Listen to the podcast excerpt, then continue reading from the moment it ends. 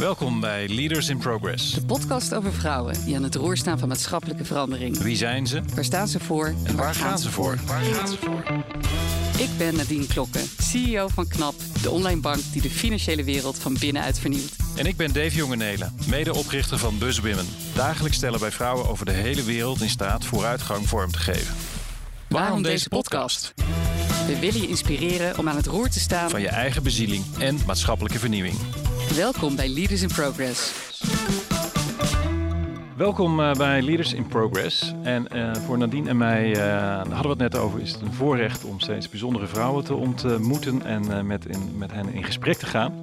En vandaag hebben we een, eh, ook weer een hele bijzondere dame eh, als gast. En dat is Patricia Vermeulen. Welkom. Dankjewel. Ehm, ik zal je kort even voorstellen aan eh, de luisteraars. En jij bent ehm, de CEO van Amref Flying Doctors in Nederland. Ja. Je hebt gestudeerd in eh, Maastricht, Maastricht.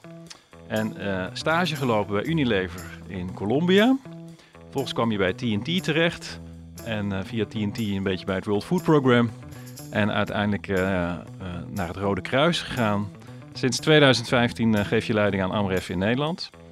Je woont met je man Magiel en je twee kinderen Pepijn en Sophie tussen Delft en Den Haag. En ik ken Patricia al langer, omdat we ook hebben mogen samenwerken in het werk wat eh, ik voor Better Future deed en jij voor Amref. En ik heb je leren kennen als iemand met heel veel drive en passie. En eh, je doet echt waar je hart ligt. Dus eh, volgens mij is dat heel mooi om het daarover te gaan hebben. Eh, allebei een hele sterke voorliefde voor Afrika, waar we allebei al een tijdje niet geweest zijn in deze coronatijden.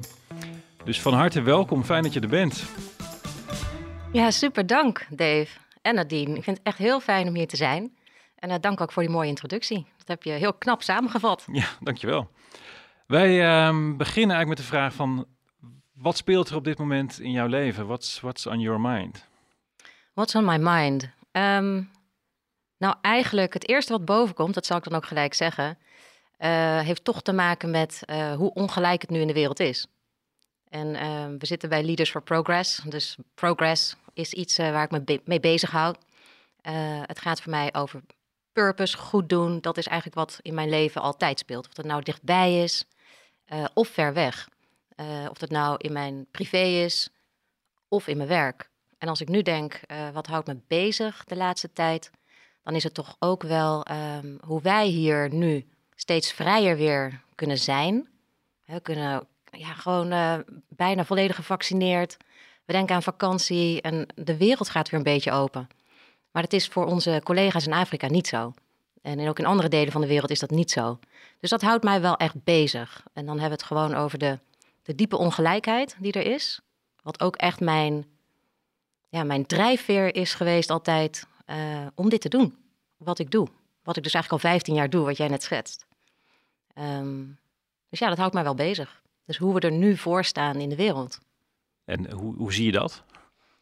Mm, nou, eigenlijk eh, hadden we een hele hoop om heel trots op te zijn, denk ik, met z'n allen. Want er was ontzettend veel vooruitgang geboekt in eh, de afgelopen decennia. Ehm, als je kijkt naar, naar thema's als ehm, honger, eh, meisjes naar school, eh, kindhuwelijken of tienerzwangerschappen. Eigenlijk was er best wel veel verbeterd. Ook toegang tot schoon drinkwater. Dingen die we hier allemaal heel normaal vinden, die hier veel minder voorkomen, dat je het niet hebt. Uh, maar in heel veel delen in de wereld uh, ja, is dat er niet. Maar er was wel heel veel vooruitgang geboekt, decennia lang. En door corona, door die pandemie, is alles in een enorme uh, ja, klem weer vastkomen te zitten. En dan, dan één zie je dat die ongelijkheid spat er vanaf.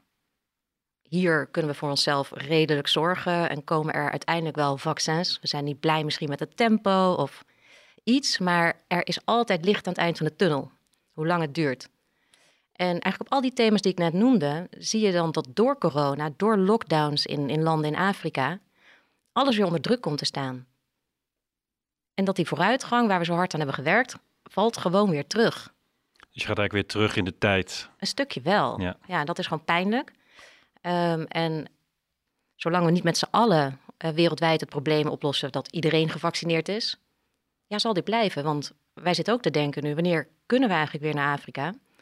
Om ook gewoon ons werk te doen. Um, En dat is gewoon best nog wel lastig in te schatten. Ja. Nou, dat vind ik wel pijnlijk. Uh, maakt niet dat ik opgeef, totaal niet. Want dit is juist wat me dan weer aanzet samen met al mijn collega's om heel hard door te gaan. Precies. Ja. Even stapje terug naar een andere tijd. Uh, in, het, uh, de kennismaking die we hier hadden, zeiden twee dames tegen mij, die uh, nu allebei CEO zijn. we hebben op dezelfde middelbare school gezeten. Ja. Ehm, dus misschien kun je ons even meenemen in hoe jij opgegroeid bent en in wat voor gezin en hoe, hoe dat, ja. hoe dat allemaal ging. Ja, dat is wel grappig, want daar zat ik onderweg hierheen ook even over na te denken. Van waar komt dan ook die, die drive van mij nu vandaan? Um, en eigenlijk mijn eerste 18 jaar waren heel, um, heel rustig in een kleine veilige omgeving. Uh, ik, ma ik, maakte helemaal geen heftige dingen mee eigenlijk. Ik zat op een nou, hele fijne middelbare school, dus samen met Nadine blijkt nu, in Utrecht. En uh, hele fijne herinneringen aan. Um, en ik kreeg gewoon de kans om me gewoon rustig te ontwikkelen. En er waren helemaal geen barrières. Um, een broer en een zusje, twee ouders. Ja, gewoon fijn. En um, ik had ook eigenlijk tot mijn achttiende uh, nooit echt veel anders gezien dan dat. We gingen op vakanties in Europa en dat, dat, was mijn wereld. En toen ik ging studeren en uiteindelijk naar Colombia ging uh, voor een stage bij Unilever, ja, toen zag ik gewoon uh, dat het ook anders kan zijn. Dus mijn ogen werden eigenlijk, vind ik zelf, pas vrij laat in die zin geopend. Ja, maar was wel een life-defining tijd voor mij. Want het was ik een jaar of twintig, denk ik. Ja. En hoe heeft Colombia je daarna beïnvloed? Nou, wel blijvend um, op het front van uh, sta open voor anderen. En zeker ook voor anderen die hier nieuw zijn, uh, die het ook niet makkelijk hebben. En dus daar, daar ben ik ook, uh, ja, eigenlijk in mijn gewone, mijn dagelijkse omgeving, maar ook op werk, wel heel erg bewust van. Uh, je kan je ontzettend snel buitengesloten voelen als je de taal niet spreekt. Um, ja, of de cultuur niet kent, de gewoontes. Dus daar heb ik wel een, een extra voelspriet voor. Dan besteed ik gewoon net wat extra aandacht aan die persoon. Je Colombiaanse antenne. ja. ja, ja, het is in ieder geval um, ja, waar in Nederland uh, we ook wel toch wel, denk ik, van uh, origine wat, wat meer zijn van, oh, daar hadden we niet op gerekend oh, dat komt nu even niet heel goed uit. Denk ik, nee hoor, kom maar lekker zitten en eet lekker mee, blijf lekker logeren. Alles is eigenlijk goed. Ja, waarom niet? Ja, in Afrika zeggen ze soms onze gastvrijheid heeft ons het continent gekost. maar dat is misschien overdreven, maar het, het is heel mooi om te merken van als je in die verschillende culturen zit, hoe belangrijk het is om je mensen, dat mensen zich thuis mogen voelen en dat je daarvoor openstaat. Ja, dat denk ik wel. Kijk, uiteindelijk zijn wij global citizens. We hebben ooit eh, besloten dat er landsgrenzen moeten zijn. En dat dient ook alweer doelen. Uh, maar uiteindelijk is deze aarde van ons allemaal. En ja, je bent ergens geboren. Uh, en je hebt het te doen met de middelen die je hebt. En in de omgeving waar je zit. En soms krijg je een kans. En kan je die benutten. Maar uiteindelijk ja, is deze wereld van ons allemaal. En ik hoor je ook zeggen uh, in het voorbeeld uh, van Colombia dat je aan de ene kant had je dus die veiligheid en al die grote zware thema's, hè, wat natuurlijk allemaal heel treurig uh, is, moeilijk is. Maar dat je eigenlijk daarnaast ontzettend veel positiviteit, warmte, openheid, kracht, eigenlijk lees ik, hoor ik, zag. Is dat, ook een, is dat ook een soort inzicht wat, ja. wat hierop koppelt? Ja, eigenlijk wel. Ja, want dat is zo mooi dat je dat uitpikt. kracht is iets. Um wat ik in heel veel mensen zie, zeg maar. Ik zie het ook in Afrika. En dat de kracht is ook wat mij drijft. Dus de kracht van de mensen zelf. En um, uiteindelijk, ook in mijn werk, um, heb ik echt niet het idee dat ik hier ben om een ander te redden. Echt totaal niet. Maar ik kan wel helpen om verandering erdoor te krijgen, te faciliteren. Ik zie me veel, veel meer als een, een facilitator of change waarbij de, het leiderschap en het eigenaarschap van die verandering gewoon bij de mensen zelf zit. Want die kracht is zo duidelijk aanwezig. En soms zijn er gewoon wat barrières die er weggenomen moeten worden. Of deuren die geopend moeten worden. Dus ja, die kracht is wel inderdaad uh, iets wat me enorm aanspreekt. Want dat geeft ook de hoop dat het gewoon wel goed kan komen. Dat het niet uitzichtloos is allemaal. En hoe doe je dat? Want toch even een stapje naar NGO's. En dat zit vol met de intentie om te willen helpen. En zijn mensen met een, een missie. En, en dan is de, de neiging misschien wel om uh, toch te willen redden, stiekem, of uh, te willen helpen. En jij zegt we willen juist de kracht versterken van anderen. Dus de vraag is, hoe doe je dat? Nou, door het niet over te nemen. Ja, want dan ben je eigenlijk aan het ontkrachten wat iemand heeft. Uh, gewoon een heel simpel voorbeeld van uh, het overnemen van een ander is bepalen wat een ander nodig heeft. Dus als, als wij in een community komen, ergens in Kenia, uh, vinden wij misschien dat, er, dat, dat iedereen behoefte heeft aan een, een veilig toilet. Of we vinden dat iedereen naar school moet kunnen. Of we vinden dat iedereen nou ja, gebruik moet kunnen maken van andere faciliteiten. Maar wat, wat vinden ze nou zelf? En eigenlijk zou de, in die zin de, de power over wat er moet veranderen ook veel meer bij de mensen zelf moeten liggen. dus dat ze zelf kunnen aangeven, als ik 100 of 1000 dollar heb, dan zou ik dit doen. En dan ga ik eerst zorgen voor misschien uh, wat werk en een inkomen. En dan ga ik daarna zorgen dat mijn kinderen naar school gaan. Ga ik daarna zorgen voor die veilige wc. Of in een andere volgorde. Maar nu is het vaak dat um, vanuit het meer oude uh, NGO-denken. En het is wel goed aan het veranderen hoor, maar het komt wel van een oud systeem waar er geld is voor thema's. En dat je daar dan een community mee binnenkomt. Ja. En natuurlijk hebben ze dat ook nodig en dat willen ze heus hebben. Maar dan, dan heb je niet de hele eigenaarschap en zeggenschap bij de mensen zelf. Om aan te geven van nou, dit is eigenlijk wat ik echt wil of nodig heb. Patricia, als je kijkt naar hoe het ontwikkelingssysteem werkt, met de houding van de westerse landen en de, het, de, de, het antwoord van, van Afrika in, in dit geval, van, wat zie je daarin? Wat, wat klopt er aan, wat klopt daar niet aan? Wat zou je daar anders in, in willen? Ja, we hebben met z'n allen uh, vaak over uh, shifting the power, um, en dat is een uh, moeilijk debat, verstaat iedereen ook wat anders over. Maar uiteindelijk komt het volgens mij toch neer op um, het loslaten van hoe we dingen doen, wereldwijd. Als je echt kijkt naar uh, grote rampen die er zijn wereldwijd en hoe er ontzettend veel hulp wordt ingevlogen. En heel begrijpelijk, want dat is een reactie op wat er is, dan is er een nood. Uh, maar wat blijft er over als iedereen weer weggaat, is soms ontzettend verdrietig. Want dan staat er een verzwakte maatschappij, Terwijl we eigenlijk met z'n allen van plan waren om te zorgen dat er iets sterkers kwam. Dus de beweging, hoe goed ook, leidt niet altijd tot het gewenste resultaat. Wat ik zou willen is dat, um, dat op een gegeven moment ook nou ja, Afrikaanse landen of, of waar dan ook, ook gewoon kunnen zeggen: wij willen dit helemaal niet. Want dan doorbreek je dat systeem. Ja, want we hebben dit nu vaker meegemaakt en zo willen we het niet. We willen gewoon echt voor onszelf zorgen. En dat gaan we ook doen. En wat zit er dan in ons westerse denken? Uh, van ons allemaal, maar ook van, van iedereen persoonlijk, van wat dat toch in stand houdt of zo? Nou, ik denk toch dat dat heeft ook wat te maken met, uh, we, willen allemaal, we willen allemaal helpen. We denken dat we allemaal goed kunnen helpen. We denken dat het nodig is om te helpen. Uh, we voelen ons machteloos als we niet helpen. dus we geven. En dan komt er heel veel. En dan is daarnaast denk ik eigenlijk de vraag, hoe kun je dan het beste helpen?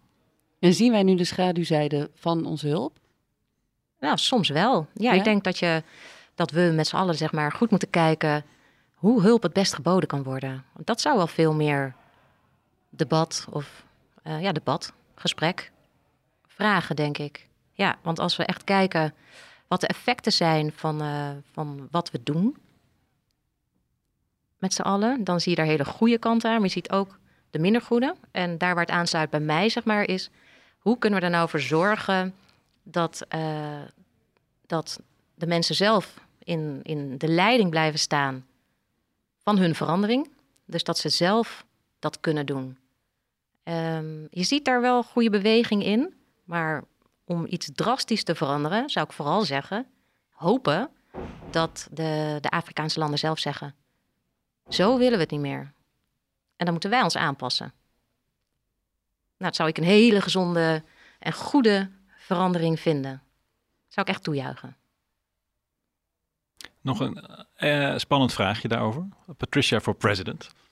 Uh, als er ooit een kabinet komt in Nederland, dan word je gebeld en zeggen we willen een nieuwe minister van ontwikkelingssamenwerking hebben die echt snapt hoe dit werkt en die staat voor het versterken van kracht.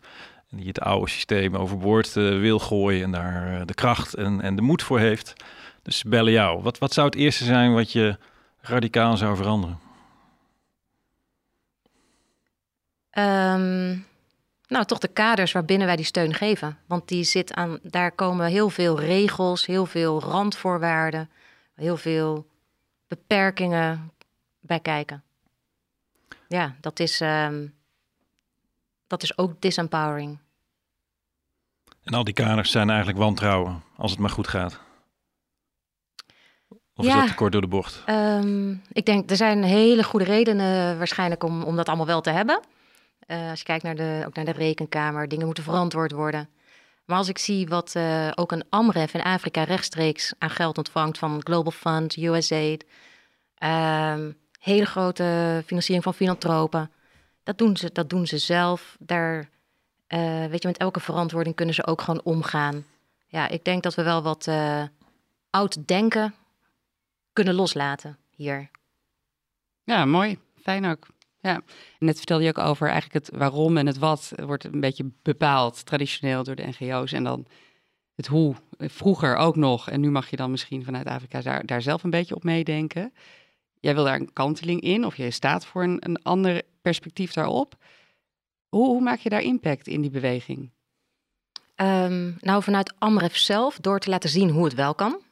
En uh, Amref is ook wel een, een, ontzettend bijzondere organisatie. Eigenlijk als je kijkt naar alle NGO's die je hier in Nederland uh, kunt vinden. Of eigenlijk ook wereldwijd. Ja, het zijn natuurlijk heel erg veel. Maar Amref is een van de weinigen die ook als hoofdkantoor uh, een kantoor in Kenia heeft. Dus wij zijn een Afrikaans geleide organisatie. met elf landenkantoren in Afrika, hoofdkantoor in Kenia. met 90% Afrikaanse collega's. Tenminste, in Afrika eigenlijk 99,9% ongeveer. Uh, en in Europa, Noord-Amerika, Canada hebben we een aantal kantoren die de Afrikaanse organisatie ondersteunen. Dus ons model is omgedraaid.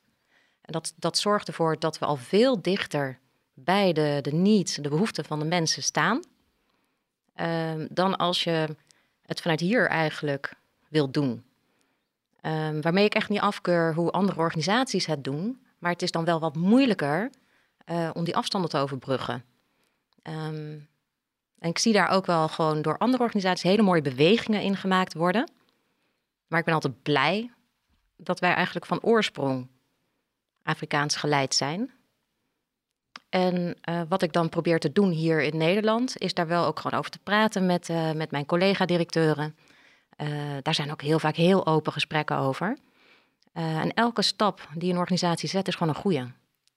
En wat je wel ziet, als er kleinere nieuwe initiatieven opkomen, die heel vaak ook op het snijvlak uh, social enterprise zitten, die gaan vanaf het begin zichzelf anders opzetten. Dus het design van uh, wat ze doen, hoe ze het doen, is dan anders. Want soms is het als je lang bezig bent ook moeilijker om jezelf weer te transformeren. Want jij schetste dat beeld van uh, toen jij bij Amref kwam. Op een gegeven moment moest je iets loslaten om weer vooruit te komen. Dat was dat eigenlijk het gebruik maken van het zielige Afrika en, en alle behoeften om, om geld op te halen. Hoe ging dat? Wat was de aanleiding voor jou om dat te doen? Ja, ongemak. Gewoon ongemak met het beeld dat we naar buiten brachten. En um, dat je fondsenwervende technieken gebruikt om een boodschap over te brengen, dat staat buiten kijf. Dat je de urgentie moet aantonen ook. Maar in mijn hoofd hoefde dat niet gepaard te gaan, of in mijn hart misschien meer, met, uh, ja, met, met dat beeld. En um, ik had geen bewijs uh, of iets eigenlijk wat kon aantonen dat het ook zou werken. Op een gegeven moment heb ik in de organisatie en tegen de Raad van Toezicht ook gezegd: Ja, maar we het nou gewoon doen. En dan zien we wel waar het komt. En ik sta zelf garant voor als het echt al stukken minder gaat opbrengen. Ik vind het ook acceptabel als het minder opbrengt. Want ik denk ook dat het in de toekomst meer gaat opbrengen. Dus op een gegeven moment hebben we ook gewoon, uh, we, ja ik, dat is wel echt een van de dingen waar ik echt voor ben gaan staan uh, de knoop doorgehakt.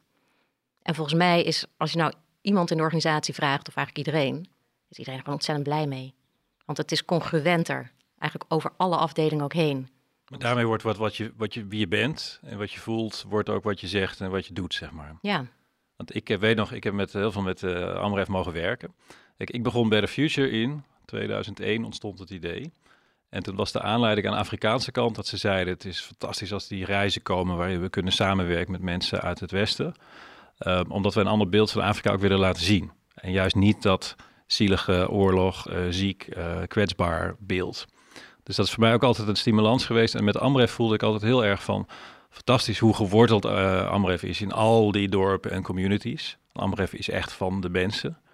En tegelijkertijd dat ik dan eh, in Nederland kwam en dan kreeg ik eh, zo'n brief van Amref. En dat voelde dan echt als een soort bedelbrief waarin... eh, en misschien van alle goede intenties, want de intentie was om ook het te helpen. ja. Maar het voelde zo een mismatch met wie Amref was in mijn ogen. ja, en ik denk dat met jou heel veel mensen eigenlijk veel meer aanslaan op dat gevoel om deel uit te maken van een, een, een verandering, een positieve verandering. Ja, dus daar geloof ik gewoon in.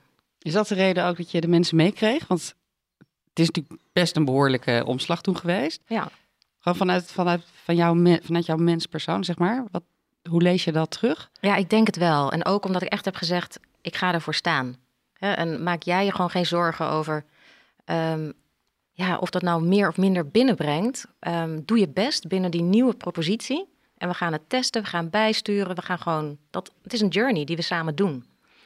Ehm, en ik denk wel inderdaad dat het heeft geholpen...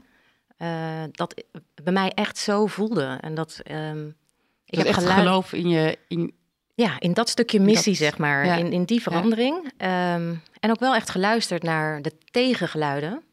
En ja, kijken waar, wat je daarmee kunt. Dat vind ik wel belangrijk. Als een, een deel van je organisatie daar huiverig voor is, wat zit daar dan?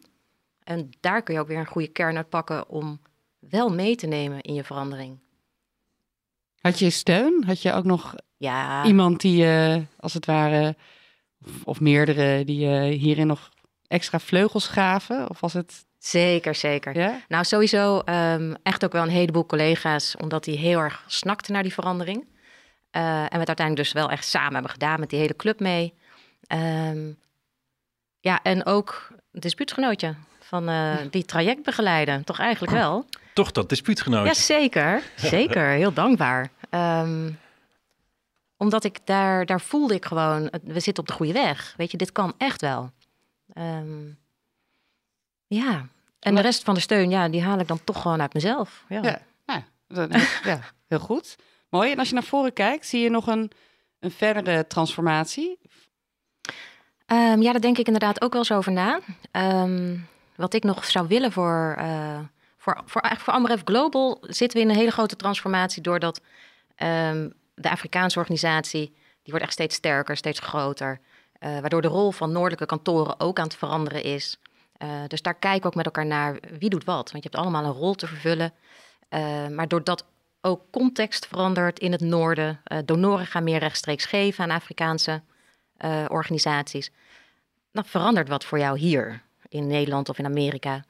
Dus eh, dat vind ik een mooie transformatie. Want uiteindelijk ja, zijn wij hier alleen maar om te zorgen dat er eh, middelen komen voor Afrika. Als ze het zelf kunnen, hoeven wij dat niet meer te doen, zeg maar. Het is nog lang niet zo. Maar dat mag best wel gebeuren eigenlijk. Hè? Dat is wel een soort van toekomstvisie die goed zou zijn. Ehm, en voor het Nederlandse kantoor zou ik willen dat, ehm, dat we wat diverser worden. Dus dat we veel meer ook als je bij ons op kantoor bent, dat je voelt dat je een eh, Afrikaanse organisatie bent. Eh, dus diversiteit, eh, inclusiviteit, ehm, dat zou ik wel heel erg fijn vinden. Dus ook iedereen die luistert en dit als een, oproep ziet, nou ja, kom echt gewoon ook op de lijn. Op de een of andere manier is het, ehm, eh, ik weet niet of het ehm, aantrekt om bij een, misschien in de ogen van vele fondsenwervende organisatie te komen werken. Ehm, en nou ja, maar daar zou ik juist graag over in gesprek gaan eigenlijk. Wat moet er nou gebeuren eh, om je welkom te voelen ook bij een organisatie zoals Amref? En we hebben gelukkig een, aantal collega's eh, uit, eh, nou uit verschillende landen en culturen. Maar het mogen er wel meer zijn. En als ik dan nog een wens uitspreek, dan uh, we hebben het over female leadership. Nou, daar hebben we bij Amref eigenlijk ontzettend veel van. 90% van de vrouwen of van de collega's in Nederland zijn vrouw. Uh, wat ook alweer eens vraagt om gender balance de andere kant op. Ja, exact. En mannen, kom ook gewoon bij Amref. Want het is echt niet zo dat we alleen maar met hele softe thema's bezig zijn. We staan gewoon op prachtige keerpunten. En uh, ja. Maar wat was jouw lezing? Je lezing dat er weinig mannen komen is omdat je denkt dat het beeld is, het zijn softe thema's en dat dat minder aanspreekt? Ja, maar dat is misschien wel een totaal verkeerd beeld. Um, kijk, de NGO-sector, um, ik heb zelf natuurlijk ook bij het Rode Kruis gezeten, dat is uh, aan, met de humanitaire kant. Komt denk ik wat flitsender over. Van uh, we helpen overal, weet je, wanneer dan ook. daar zit heel veel actie in. En bij een organisatie als Amref zit je veel meer op het bouwen aan duurzame verandering. Daar is tijd voor nodig, daar is echt lange adem. Ja. dat zijn hele lange processen. Um, is echt, ja, ik wil het eigenlijk geen ontwikkelingswerk meer noemen, dat vind ik ook zo'n oud woord. Uh, maar, maar gewoon die verandering faciliteren in andere landen, ja, gaat niet zo in een, in een jaar. Dus als je bent van een korte cycli, actie, dat, dan, ja, dan moet je wel andere mijlpalen definiëren voor jezelf in zo'n proces. Uh, ja. En ik denk dat dat misschien niet altijd aanspreekt um, voor mannen, maar ja, kan helemaal miszitten. Hè? Glad ijs hier. Nou ja, het is een mooie even een, vraag van een, uh, even een vraag van een man daarover. Als je daar, daar vijf, over vijf jaar kijkt, of tien jaar, is, is Amref Nederland dan nog een fondsverwervende organisatie? Of zie je dat ook heel erg veranderen? Um, nou, zo, ja.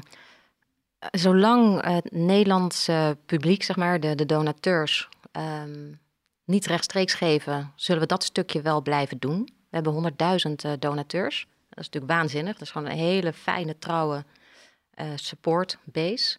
Waar onze Afrikaanse organisatie heel veel aan heeft. Um, het stukje direct giving is nu nog niet zo ver. Ja, als het over tien jaar wel zover is, dan weet je, dan, eigenlijk wens ik dat mijn Afrikaanse hoofdkantoor dat gewoon zelf doet.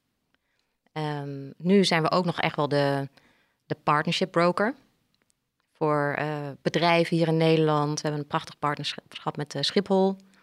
Um, dus ja, het, eigenlijk is elke keer de vraag: um, wat is onze rol? Uh, dus als wij hier nog partners, netwerk, de Nederlandse overheid en de Nederlandse donateurs kunnen verbinden aan de Afrikaanse organisatie, ja, dan hebben wij een rol. En dan, dan, dan hebben wij hier gewoon legitimacy. Dan, dan een, ja, een reden om er te zijn. Maar we werken wel steeds meer toe naar um, dat de Afrikaanse organisatie dit zelf ontsluit. Ja. Dus je zou zelfs een scenario van als het echt heel goed gaat. En in Afrika uh, wordt Amref nog krachtiger en, en zorgt ook dat ze de eigen resources hebben. Dan zou het ook kunnen zijn dat je op een gegeven moment uh, het kantoor uh, wegens succes gesloten. Zou dat ook een optie zijn? Wegens succes gesloten, ja. Dat is wel een mooie sentence. Ja, maar zover is het gewoon nog niet. Als je kijkt naar um, de Nederlandse overheid, uh, die, die steunt heel veel goede doelen natuurlijk, uh, en organisaties. Um, maar er zijn nog best wel vaste kaders waarbinnen dat allemaal moet gebeuren. De Europese Unie eigenlijk nog veel meer. Um, zo strikt en streng. Ja, dat het lastig is voor Afrikaanse of nou ja, welke organisatie dan ook om daar rechtstreeks financiering van te krijgen. Ja. Um, maar ja, onze kantoren in Afrika laten zien dat ze het zelf in ieder geval kunnen. Want ze zijn direct ontvanger van de Global Fund en van USAID. Dus um, en van grote Amerikaanse filantropen. Dus in de Amerikaanse markt zie je al dat dat direct geven, en ook een stukje dat cutting out the middleman, is er al veel meer. En dat kan je dan zien als een bedreiging. Of je ziet, kijkt gewoon, nou dat is helemaal geen bedreiging. Dat is fantastisch. En wat kunnen wij dan nog doen? Nou, in de Amerikaanse markt zit, uh, zit ons kantoor nu wat meer op high net worth individuals. Omdat ze daar nog een mooie rol kunnen spelen. Maar je moet gewoon in staat zijn om dat aan te passen. Ja. Ja, dus en uh, de Zweedse overheid heeft ook jarenlang uh, rechtstreeks gegeven aan Afrikaanse organisaties. Dat doen ze volgens mij nog steeds. Dan heb je nog wel een rol te spelen misschien als uh, relatiebeheer, want je zit gewoon dichtbij. En als je naar jezelf kijkt, Patricia, daarin, ja. wat, wat geeft jou nou echt superveel energie in je werk? En wat zijn ook de dingen waarvan jij denkt van, daar baal ik echt van, of dat zou van mij echt niet hoeven? Hoe ziet dat eruit, dat plaatje? Nou, waar ik onwijs veel energie van krijg, is het, uh, zijn eigenlijk mijn Afrikaanse collega's. jij hebt mijn uh, group CEO uh, vaker ontmoet. Nou, die is super inspirerend. Ja. Een Keniaan, heel bevlogen. Echt ook speelt een grote rol nu in de COVID-19 Afrika-respons. Um, ja, dat is gewoon een feest. En daar app ik mee. Weet je wel? Dus de lijnen zijn heel kort. Daar krijg ik ook heel veel energie van als er niet zoveel bureaucratie is. want daar kan ik dus ook van balen, zeg maar. Um, ja, en ook met alle landenkantoren. Uh, gisteren met de Ethiopië-directeur, een vrouw, ook nog contact gehad. Ja, daar krijg ik energie van. Um, en dat directe schakelen ook. En waar, uh, waar ik van baal is... Nou ja, ik wil zelf wat wel dat dingen snel gaan. Uh, dus ik had het net over die langere processen. ik hoor mezelf. maar um, we zitten in een, een soort governance review, reform globally. En dat gaat me dan ook weer niet snel genoeg. Dan denk ik, nou, ja, dat is dan ook een proces wat je de tijd moet geven. En ik ben genegen om, of geneigd, hoe zeg je dat eigenlijk? Om um, eigenlijk al in mijn hoofd te hebben hoe het moet zijn. Een les voor mij om dat dan los te laten. Want soms zit dat ook in de weg als je al het eindstukje helemaal kent. En het proces dan te laten. Nou, dat is gewoon mijn, mijn eigen uitdaging, denk ik. Um, en op een gegeven moment ook denk van, nou ja, ik vertrouw er ook op dat ook dat wel goed komt. Weet je waarom je er moeite mee hebt? Um, nou, het is gewoon een stukje ongeduld, denk ik. Ongeduld en um, ja, als, als ik ergens begin, want dat was eigenlijk al in 2015, 16, toen dacht ik, oh, ik zou, uh, ik zou het in, in Duitsland zou ik het heel anders doen. Daar hebben we ook een kantoor. En ik was eigenlijk nooit heel erg onder de indruk van hoe dat werd gerund. Um, en dat vertelde ik ook. Ook aan het uh, group leadership. En iedereen ziet het dan wel, maar niemand gaat echt wat doen. Dan vraag ik, wordt er nog een keer iemand accountable gehouden? Nee, want zo zijn de lijnen niet. Oké. En dan, ja, dan zit er ook nog zoveel culturele verschillen. Er zit een prioriteitsstelling hè, voor. En het is sowieso was niet eens mijn, uh, mijn ding. Ik heb helemaal niks te maken met dat land. Maar goed, dan dacht ik, ik heb het nou een paar keer gezegd tegen mijn eigen raad van toezicht, tegen het group leadership. Um, ja, wat kan ik dan nog meer doen? En dan jaren later zie ik, hé, hey, er, is, er is echt wat aan het gebeuren nu. Um, ja, maar ja. eindelijk. Ja, zoiets, weet je wel. Maar het ja. is ook een beetje, ja, dan denk ik, oké, okay, weet je, ik, ja, ik wil misschien soms ook dingen te snel. En dingen ook gewoon een beetje tijd geven. En um, ja. Maar denk je dat het toevoegt? Of denk je eigenlijk in je hart, nou prima, dit is nu even wat het is, maar uh, eh, als het aan mij gelegen had, dan hadden we dit echt twee jaar geleden al gedaan. Dan was dat eigenlijk, of, eh, vier jaar geleden in dit voorbeeld uh, al gedaan. Ja, um, nou ik denk als, als we het hadden doorgeduwd, dan had het niet. Dan was, er was het, gewoon, het moment was er niet naar, zeg maar. En um, ja, dus soms denk ik ook van, ik kan het wel zien, ik kan het wel roepen. Maar ja, weet je, ja, soms is het niet. Ja. En nu denk ik wel, uh, nu komt er misschien alsnog een vraag naar mij en mijn kantoor om in Duitsland een rol te gaan spelen. En dan denk ik wel, nou hè, dat is leuk, want we hebben al onwijs veel ideeën hoe wij in, de, die Duitse markt aan de slag zouden gaan. En dat is dan ook iets waarvan ik denk dat zou ons weer uitdagen. Um, de Nederlandse markt is, uh, is, is nou, ook beperkt, zeg maar. Um, en dan zouden wij in, uh, in Duitsland gewoon kijken hoe we nog meer mensen, uh, partnerschappen, netwerk kunnen ontsluiten voor, voor Afrika. Want het klinkt ook alsof jij zelf ook wel weer toe bent aan een extra uitdaging of zo. Ja, en dat vertel ik ook gewoon hoor. Dat um, hier nu. maar dat vertel ik ook uh, aan, aan de groep CEO en aan mijn raad van toezicht. Die weten dat. Um, en mijn raad van toezicht pleit daar eigenlijk ook voor bij de groep CEO. Van, um, weet je, je kan, meer, je kan meer opdrachten geven, je kan meer leiderschap neerleggen. Uh, eigenlijk bij het hele Nederlandse kantoor. Uh, want we hebben de dingen gewoon goed op orde. We zouden veel meer kunnen leveragen eigenlijk om in Duitsland, maar ook in Scandinavië, uh, de support voor, voor Amref te laten groeien. Dus heb je eigenlijk dan- liggen er nog heel veel kansen. En dan denk ik, ah, En heb je dan niet de neiging om eh, man en kinderen in te pakken en ook eh, in zijn tijd in Afrika te gaan wonen en werken en Ja, eh, van in- daaruit... eh, nou, dat is een hele moeilijke vraag, Dave. Want twee jaar geleden was daar wel een, eh, een vraag om eh, naar Afrika te komen als chief of staff van, eh van Ammerveld Africa. En dat was eh, iets waarvan ik dacht, ja, dat, dat wil ik heel graag doen. Heel graag doen. En dan echt de rechterhand van de groep CEO. Nou, top. En denk, op al deze onderwerpen waar we het net over hadden, kan ik dan wel echt gaan werken. Ehm, maar mijn man zat ook met zijn ehm, social enterprise en, en allerlei ontwikkelingen. En hij zei, ja, maar dan moeten we het wel op een bepaalde manier doen. En ik dacht op een gegeven moment, van, ja, dan, het, het klopte niet helemaal. Ik dacht, we kunnen wel gaan, maar het is niet goed voor ons allemaal, zeg maar, voor het hele gezin. Eh, en dan ga ik dat ook niet doen. Nee, Ja. dus dat was, wel, dat was wel een moment van rouw. Want een hele zomer dacht ik, dit is het dus. Ik heb een paar keer gezegd wat ik heel graag wil. Nou, eh, ik krijg eigenlijk gewoon eh, de vetste banen ongeveer aangeboden. En dan zeg ik nee. En dan was het ook nog een stukje van ehm, onzekerheid van hoe wordt dat nou eigenlijk gezien? Want ik kan me niet voorstellen dat anderen nee hadden gezegd. En dan zeg ik, Nederlands meisje daar zo in Leiden, zeg gewoon nee.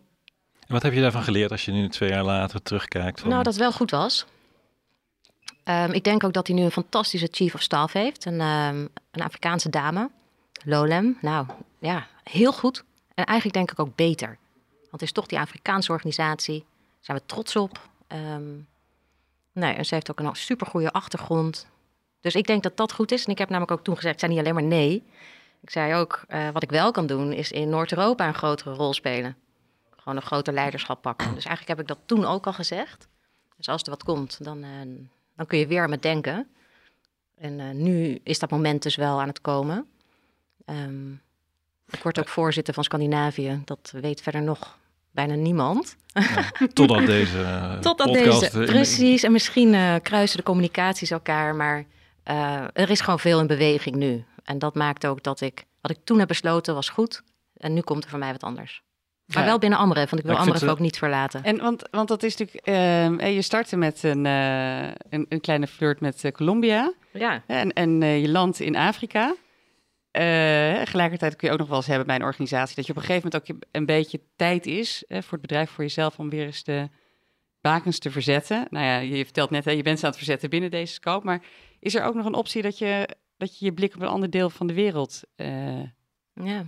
gaat richten? Ja, ik heb in die tussenliggende tijd bij het Rode Kruis acht jaar ook heel veel van de wereld gezien. Daar was ik verantwoordelijk voor Azië. Oh, oké. Oh. Ja, en toen heb ik in Ja. Zuidoost-Azië en ehm, daarna ook Noordoost en Centraal eigenlijk al die landen gezien.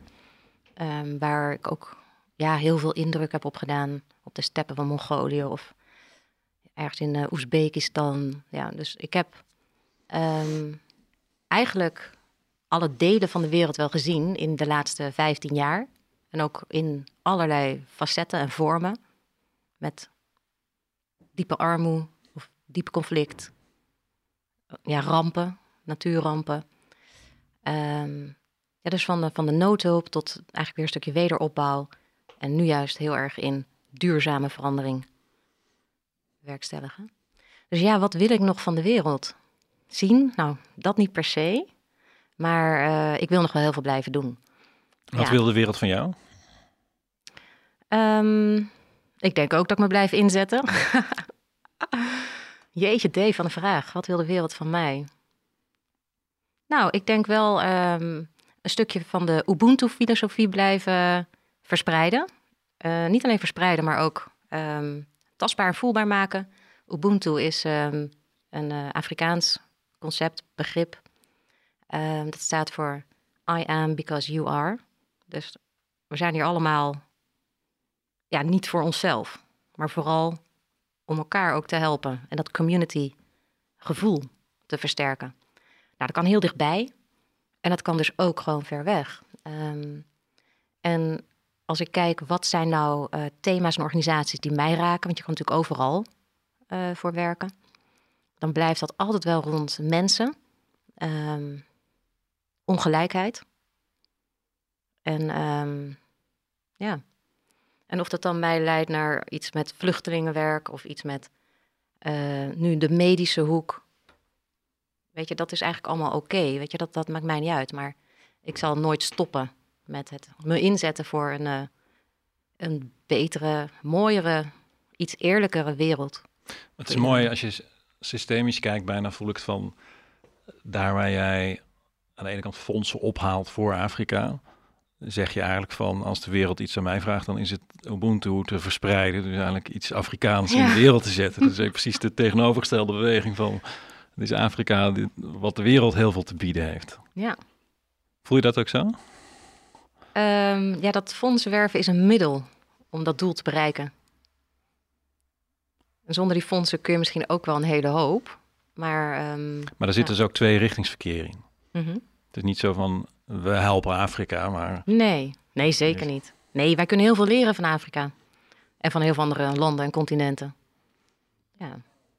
We hebben, uh, dus even een bruggetje, ga ik pakken. We hebben mhm. altijd een vast rubriekje in deze podcast. En dat zijn de pleaser en de teaser.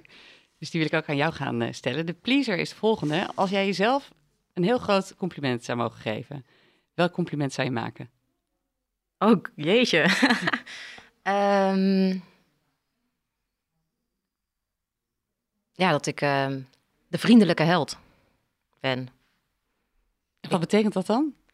Um, dat ik er voor iedereen wel zal zijn. Um, ik, sta, uh, ik sta klaar om te helpen. En ik kijk open naar iedereen en ik luister en ik stel vragen. En dan probeer ik vanuit mijn plek iets te doen. Ja. Mooi. En de teaser is: de postcode loterij uh, speelt echt een grote rol in NGO-land. Uh, um, is dat ergens ook niet een beetje dubbel vanuit jouw nou ja, uh, ontzettend purpose-driven verhaal? Ja, bespeur ik in ieder geval bij mezelf een beetje een vraagteken. Ik ben heel erg benieuwd hoe jij dat, hoe jij er naar kijkt. En ook hoe je dat naar de toekomst toe ziet. Mm -hmm. Ja, de postcode loterij is uh, ook voor Amref inderdaad een, uh, echt een, een, een, grote donor. Al, ik denk twintig jaar bijna wel. Um, voor mij is de postcode loterij en de mensen die daar werken, die zijn ook allemaal heel gedreven. Um, maar die hebben ook allemaal toch dat gevoel van purpose. Dat voel ik als ik met ze op reis ga.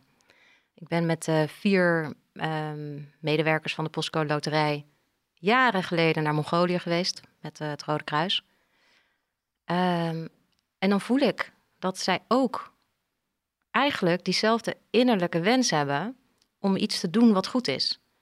Het businessmodel is anders, maar ze proberen wel iets goeds te doen daarmee. Dus ik ben de Postcode Loterij ook heel erkentelijk voor het feit dat we jarenlang um, de helft van de, van de opbrengst, nou niet wij als verkregen, maar naar de goede doelen ging. Nu is dat met uh, de, de, de nieuwe wetgeving en de nieuwe toetreders in de markt, is dat ietsje veranderd. Is 40% volgens mij. Maar nog steeds. Um... Maar is het gezond dat, dat even heel hard zeggen, dat eigenlijk alle NGO's uh, ook aan het infuus hangen van de postcode loterij en daar heel erg afhankelijk van zijn? Niet iedereen hangt aan een even groot infuus. uh, wij zeker niet. Uh, als je onze bijdrage bekijkt jaarlijks, dat is eigenlijk minimaal op onze begroting.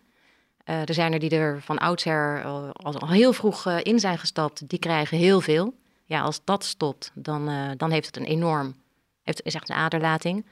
Maar dat geldt ook wel voor organisaties die zwaar afhankelijk zijn van overheidsfinanciering. Want als je dan een keer een ronde mist, omdat je geen goede aanvraag had of iets... Ja, dan, gaat je organisatie ook. Je, je, je breidt uit en je krimpt in. Je breidt uit, je krimpt in. En um, te veel afhankelijkheid van welke donor ook, welk donorsegment, zorgt ervoor dat je niet je eigen missie en strategie kan volgen. Dus dat is iets waar we bij, bij Amref in ieder geval enorm voor waken. Dat het altijd een heel breed beeld is van supporters dat we hebben. Ik heb uh, Bus Women mogen opstarten, zoals je weet, uh, in 2012. Volgend jaar bestaan wij tien jaar. We hebben inmiddels ruim een kwart miljoen vrouwen mogen opleiden, eigenlijk toegang geven tot versterken van hun eigen kracht. Dat is bij ons het uitgangspunt. Omdat we weten dat als je vrouwen een kans geeft om te leren, dan grijpen ze met alle handen aan en dan, profiteert daar eigenlijk iedereen om hen heen van. En nu is het zo dat wij een systeem hebben dat, dat met bussen rijden we die dorpen in. Ehm, wij laten de vrouwen hun eigen leider eigenlijk kiezen. Dat noemen wij de ankervrouw, de anchorwoman. En dat lijkt heel erg op wat Amref doet. Waarbij je in heel veel dorpen uh, community health workers hebt in Afrika. Die eigenlijk in hun eigen dorp verantwoordelijkheid nemen als vrijwilliger om uh, de gezondheid te bevorderen. Hè? Dingen te monitoren, uh, voorlichting te geven. Dus in mijn hoofd denk ik van, hoezo mooi zou het zijn als we daarin samen kunnen optrekken. Ja, en zeker, ons, ons onderwijs uh, zit op andere vlakken. Wij zijn eigenlijk bezig met bus care, wat gaat over meer zelfzorg en voeding en gezond. komen wat meer op het terrein van Amref. Mhm. Zover zijn we nog niet, maar dat is in, in de pijplijn. Maar wij zijn eigenlijk begonnen bij die vraag van, uh, toen wij met vrouwen in gesprek gingen, zeiden ze ja, uh, ga weg met je school, we hebben cash nodig, we hebben, we hebben zo'n survival eigenlijk als het gaat om geld en stress daarover, kun je daar beginnen. Dus bij ons gaat het over uh, het economische stuk, het gaat over persoonlijke groei, het gaat heel erg over klimaatactie nu, omdat heel veel vrouwen daar direct last van hebben. Dus als je daarnaar kijkt van, hoe zou dat kunnen werken? Gewoon even, kom even, helemaal niet voorbereid dit. Nee, dat geeft niks, dat is altijd leuk. Uh, nou, dat zou heel goed kunnen werken. We zitten in een heleboel landen, zitten, zitten wij en Buzzwomen ook. Uh, niet overal, want je zit ook in, in India en zo. Um, maar het moet samengaan. Want eigenlijk, uiteindelijk zijn we allebei zeg maar, bezig met de, het versterken van de positie van de vrouw in die communities. Uh, de vrouw is de rol, of ja, speelt de hoofdrol in uh, verandering voor een community. Dus wat je zegt, dat is uh, inderdaad precies ook onze filosofie. Um, als, ja, zij zullen keuzes maken die goed zijn voor hun gezin. Weet je, dus je zet ook iets in gang wat blijft. Als, als zij geld kunnen uh, verdienen, um, dan gaat het eerst naar onderwijs voor kinderen. Dat is eigenlijk wat ik altijd hoor, waar ik ook kom. Het beetje geld wat ik overhoud, is voor educatie van mijn kinderen. Zodat zij een betere toekomst krijgen of een kans op een betere toekomst dan ik. Um, nee, dus ik zou zeggen, laten we vooral eens even kijken van waar zitten jullie, waar zitten wij? En, uh, en let's join beeld... forces. Ja, mooi. Uh, kun jij iets vertellen hoe de impact van Amref, zeg maar, en de schaal waarop bijvoorbeeld met die community health workers, van voor mensen die Amref wat minder kennen, of misschien ja. alleen nog van het Flying Doctors ja. stuk kennen, want er is, uh, Amref is maar een heel klein stukje Flying Doctors en een heel ja. groot stuk uh, verankering in de dorpen. Kun je daar iets over zeggen? Ja, ja. Um... Even kijken, wat zou ik dan zeggen? Jeetje. Hoeveel um... community health workers zijn er? Uh...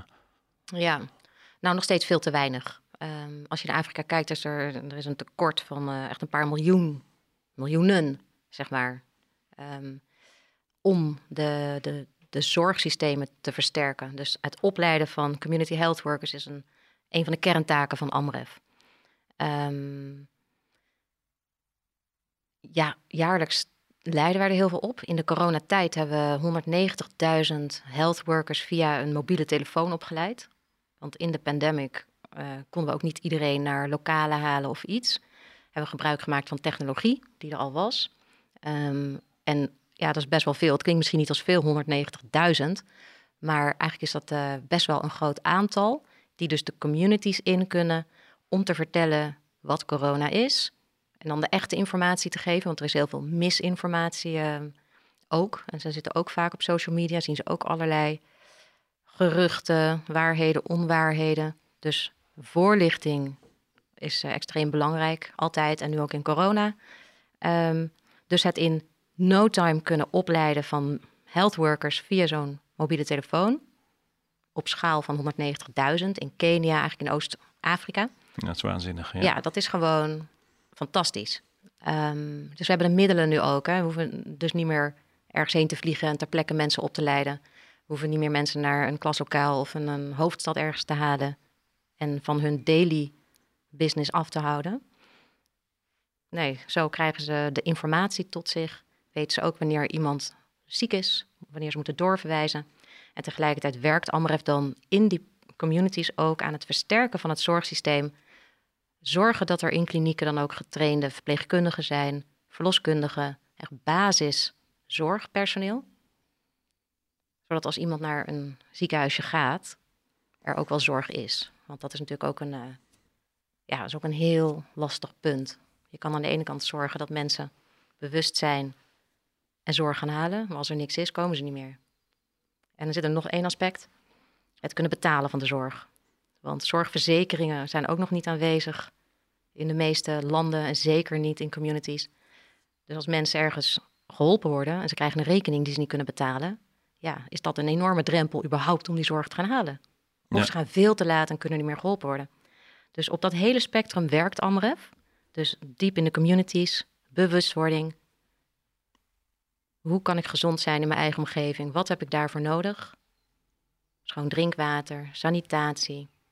Maar ook ehm, iets van eh, inkomsten genererende activiteiten. Ehm, nou ja, tot het opleiden dus van zorgpersoneel. De community health workers, die jij net noemde, zijn een hele belangrijke schakel tussen de mensen in de dorpen en de ziekenhuisjes. Ja. ja en het zorgen van de financiering eh, voor de zorg, die is nog het moeilijkst. Die is echt het moeilijkst. En wat doen jullie daarop? Ehm, we werken met in landen waar er al iets van een zorgverzekering is, helpen wij de zorgverzekeraar om het eh, veel meer aan de man te krijgen, zeg maar. Dan gaan wij de dorpen in waar we sowieso komen om voor te lichten over eh, het belang van een zorgverzekering. Nou, je kunt je voorstellen dat dat niet simpel is. Want eh, waar verzeker je dan voor? Je, hè, dat hebben we hier ook denk ik allemaal gehad. Van je, je kan heel veel betalen voor een verzekering, je helemaal oververzekeren. Maar heb je het nodig? Dat vertrouwen moet ook groeien. Ehm, maar we zien in Kenia dat we daar een hele effectieve rol in spelen, omdat Amref wordt vertrouwd in de communities. Dus als Amref zegt, het is hartstikke goed om je aan te sluiten bij die zorgverzekering, dan doen mensen dat ook. Dus de uptake van zorgverzekering in die gebieden is heel groot. En ehm, de zorgverzekeraar eh, betaalt Amref ook per persoon die wij verzekerd krijgen, hoe zeg je dat? Ja. Op de verzekering aangesloten krijgen, want dat is gewoon, zij kunnen dat zelf niet doen, tot diep in de communities. Dus iets wat voor ons zo vanzelfsprekend is, die zorgverzekering. En waar, eh, Dat we- is, is er gewoon echt bijna niet gewoon. Nee. En als je ziet hoeveel mensen weer terugvallen in extreme armoede, omdat ze een ziekenhuisrekening moeten betalen van 2000 dollar, dat is er gewoon niet. En traditioneel gezien gaan ze dan vragen bij buren, bij familie, en dan betalen ze met z'n allen die rekening wel. Maar echt, het is continu terugvallen in armoede. Dat is gewoon niet te doen. ja, dus daar ligt nog. eh, Daar ligt serieus voor Amref, als je ook met ons wil eh, samenwerken. Daar ligt echt nog een ding. We zijn echt wel goed bezig ehm, in de communities. Gezond zijn, gezond blijven. We zijn echt goed bezig met de kerntaak van het opleiden van zorgpersoneel in Afrika. Allemaal in partnerschap natuurlijk met ook heel veel andere organisaties en instanties. En een stuk financing for health. nou, dat sluit wel enorm groeien. aan. Weet je, dat is niet om bewust te promoten, maar in het stuk bewustwording over hoe je met geld omgaat. En ook daar waar het misgaat. En zo'n ziekenhuisrekening is het ultieme voorbeeld. Dus ook de bewustwording over hoe kun je daar tegen wapenen en, en anders met geld omgaan. En je misschien wel verzekeren, of in ieder geval op een aantal essenties. Ja. Ja, dat, dat zit heel erg in die bewustwording. Ja, Nou, gaan we, gaan we verder over praten? ja hartstikke goed. Ja, we zijn eh, zo'n beetje tegen het eind van de podcast eh, gekomen. Ja, wat jammer nou. Ja, ik heb gaat- het idee dat we eindeloos kunnen gaat, doorpraten. eh, gaat snel eh, zo, dat is ook zo. Maar ik ben nog wel benieuwd naar vanuit jouw, eh, gewoon jouw lering, jouw hele weg. Wat, wat zou jij willen meegeven aan onze luisteraars die ja, zelf hun- natuurlijk hun leven lopen, maar graag ook wel geïnspireerd willen worden door een belangrijke levensles van jou? Ja, nou wat mij altijd heel erg heeft geholpen is ehm, het gewoon doen. En eh, niet jezelf allerlei eh, barrières opwerpen waarom je het niet moet doen. Ehm, want eigenlijk kun je veel meer dan je denkt. En ik merk vaak in gesprekken, en dan vooral ook met, eh, met, met jonge vrouwen, dat ze denken, ja, maar weet je, dat is, wow, dat, dat is groot of dat is eng of dat kan ik misschien wel niet. Ik heb het zelf heb ik echt nooit last van gehad. Want ik, als iemand dat zei van, oeh, is dat niet hm? Dan dacht ik, nee, nou dat ga ik juist doen. Weet je, ik heb een soort tegengestelde beweging. Dan kijkt iedereen, oh nee, ze gaat economie studeren, bedrijfskunde. Nou, dat waren de slechtste vakken. En dan denk ik, ja, ik ga het toch doen. Ehm, en toen ik directeur werd bij Amref, ik had nog geen MT-positie gehad bij het Rode Kruis. Ja, dan, dan zeggen mensen, oh, nou, eh, maar dat is wel heel spannend. En dan denk ik, ja, maar wat kan er nou gebeuren? Helemaal niks, toch? Dus ik ga het gewoon doen. Dus dat is eh, denk ik de belangrijkste les die ik zelf heb gehad. Gewoon doen. Mooi, heel Het mooi. juist, juist opzoeken eigenlijk. Ja, ik ga het juist doen. Juist, ja. Ja, ik hoorde er ook nog wat extra's in. eh, Ja, ik ga het in- juist doen. In terug. Hey, ik, uh, ik, ik, schrijf altijd een beetje mee, dat heb je ook gezien. Dus ik ga een paar dingen even herhalen. Um, volgens mij uh, heel duidelijk bij jou. Jouw, jouw, jouw startpunt is het goede willen doen, ongelijkheid. Uh, nou, daar in ieder geval iets op toevoegen dat het minder wordt. Altijd overal, maakt niet uit in welke setting. Um, en, en, en als je dat ook ervaart, dan zit daar ook een, een, een diep geworteld gevoel bij dat dat niet is hoe het zou moeten zijn. En dat geeft volgens mij zo'n enorme stuwing, zo'n kracht uh, aan jou uh, in je persoon en ook in je overtuigingskracht. Dat zo klopt, zo in lijn ligt. Um, ik hoorde een aantal uh, learnings langskomen. de eerste was openstaan, gasvrij zijn. Dat je dat als waardevol hebt ervaren zelf en dat ook probeert te zijn. De kracht waar we net over spraken. Dus uitgaan van, van de kracht. Kracht brengt hoop. Um, niet dingen overnemen van anderen, want eigenlijk ben je dan mensen aan het, eruit aan het halen. Uh, dus, dus zoals het voor jou werkt, wil je eigenlijk ook dat het voor anderen werkt. Uh, er zit ook een soort, soort geloof in. Een soort van geloof wat je richting geeft. Geloof wat je ook vertrouwen geeft, dat, dingen wel komen. En ook dat het nou, blijkbaar toch ergens naar iets positiefs kan roeien of rollen. Um, en, en de laatste eigenlijk is, uh, die ik hoorde was uh, het belang van dichtbij zijn. Om echt te kunnen begrijpen, om, om dicht op behoeftes te zijn, dicht bij mensen te zijn. Um, als groot thema Ubuntu. Volgens mij hebben we hem eerder langs gehad. Uh, Ubuntu komt regelmatig Ubuntu, langs. Ja, precies, ja. het is mooi om te horen. Daar leer ik ook weer heel veel van, dus dat is mooi om te horen. I am because you are. Denk een hele powerful message. Um, en eigenlijk als laatste ook, je, je, je credo gewoon doen. Je kan veel meer dan je kan, dat je, dat je denkt dat je kan, uh, ja, koppelt natuurlijk helemaal weer op die, eigenlijk op die kracht en dat geloof wat er bij jou zo in zit. Ik hoop dat de luisteraars dat een beetje van je kunnen meenemen, net zoals wij dat doen. En ik wil je ontzettend bedanken voor jouw verhaal en hier zijn. Wil je nog wat toevoegen, Dave? Ik ook. En ik had nog twee aanvullende dingen die mij heel erg opvielen in je verhaal. Is die vriendelijke held, maar ook de moed die je bijvoorbeeld had toen je bij Amref kwam en echt zei van ik ga dat beeld van Afrika wat weggezet wordt als, als ziek of zielig of uh, kwetsbaar omdraaien. Dus dat vind ik heel mooi hoe je je hart volgt, maar ook je, je, je doen erop op aanpast, dat dat gewoon in één lijn zit. En wat ik ook nog heel mooi vond is dat nee zeggen. Volgens mij is dat een heel mooi thema wat vaak niet aan de orde komt, maar dat je soms in, tegen hele mooie kansen ook nee kunt zeggen in het leven omdat niet alles klopt. En dat er ook meer is dan jezelf, zeg maar. En dat later daar toch weer hele mooie dingen uit voortkomen, vind ik een heel ja, mooi thema, ook hoe je het daarover hebt. En uh, dat ook een teken van kracht. Dus heel veel dank. We hebben nog een mooi cadeautje van je, voor je. Oh. En uh, om je te bedanken. En dat is uh, iets moois van een dame die ook half Afrikaans is, bijna Hanna Verboom. Heeft een heel mooi oh, initiatief oh, ja. opgezet. Dus we hebben een mooi cadeautje voor je. Zij was ook de gast in onze podcast. Ja, ik had het gezien. Ja. En uh, heel veel dank, heel veel succes met het uh, prachtige werk wat, wat jij met Amref mag doen. En nou, hopelijk weer tot snel. Ja, super dank. Ik vond het ook echt een ontzettend fijn gesprek. Heel leuk. En ehm, ja, ik hoop inderdaad tot snel.